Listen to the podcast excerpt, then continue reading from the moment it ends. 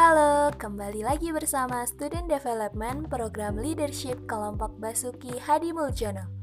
Pada podcast kali ini, kita akan membahas salah satu strategi bisnis yang sekarang banyak dilakukan oleh perusahaan-perusahaan ternama maupun yang baru saja merintis usahanya.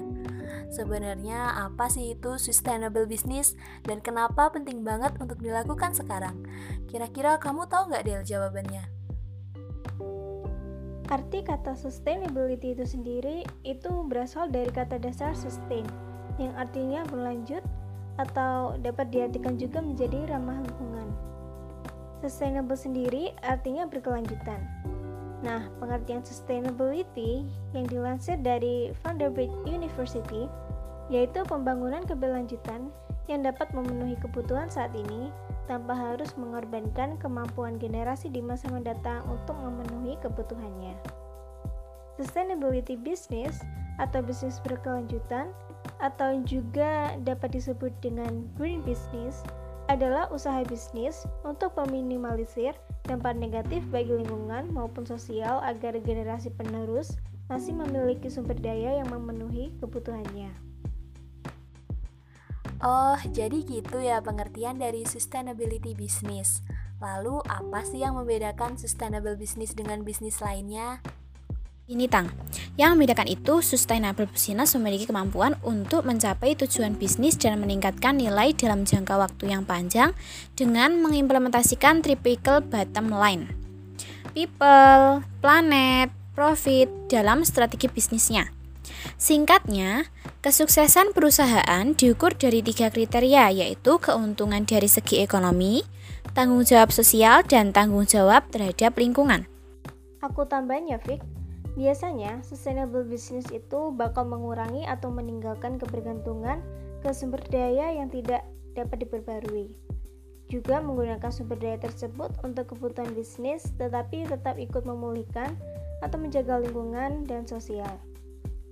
Perusahaan tersebut juga menggunakan sistem closed loop production dengan mendaur ulang limbah produksi untuk digunakan kembali menjadi sumber daya kegiatan produksi. E, perusahaan juga menyewakan produknya dan mendaur ulang jika produk tersebut sudah usang atau daya guna produk berkurang sehingga dapat mengurangi limbah barang rusak. Yang terakhir, untuk promosi, perusahaan tersebut juga akan mengedukasi konsumen agar bijak mengonsumsi untuk menghindari produk yang tidak digunakan menjadi sia-sia.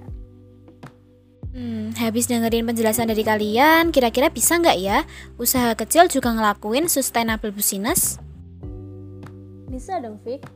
Usaha kecil juga bisa kok ngelakuin konsep sustainable business.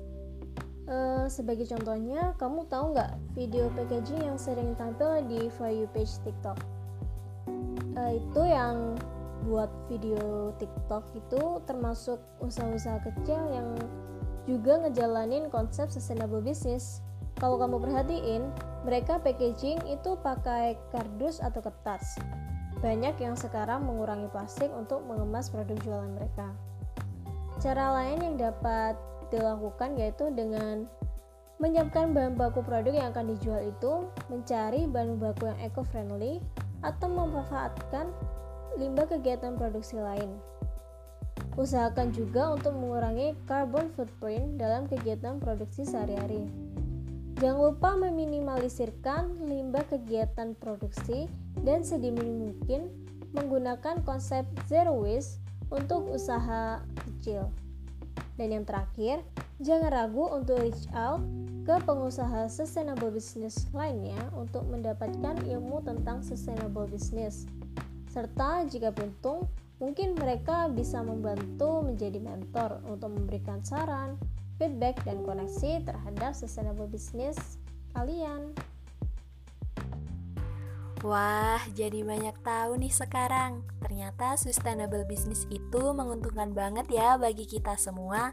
Kami harap para pendengar juga mendapatkan pengetahuan baru dan tertarik untuk melakukan konsep sustainable business dari sekarang. Terima kasih telah mendengarkan episode kali ini. Kita tunggu kalian di episode selanjutnya ya.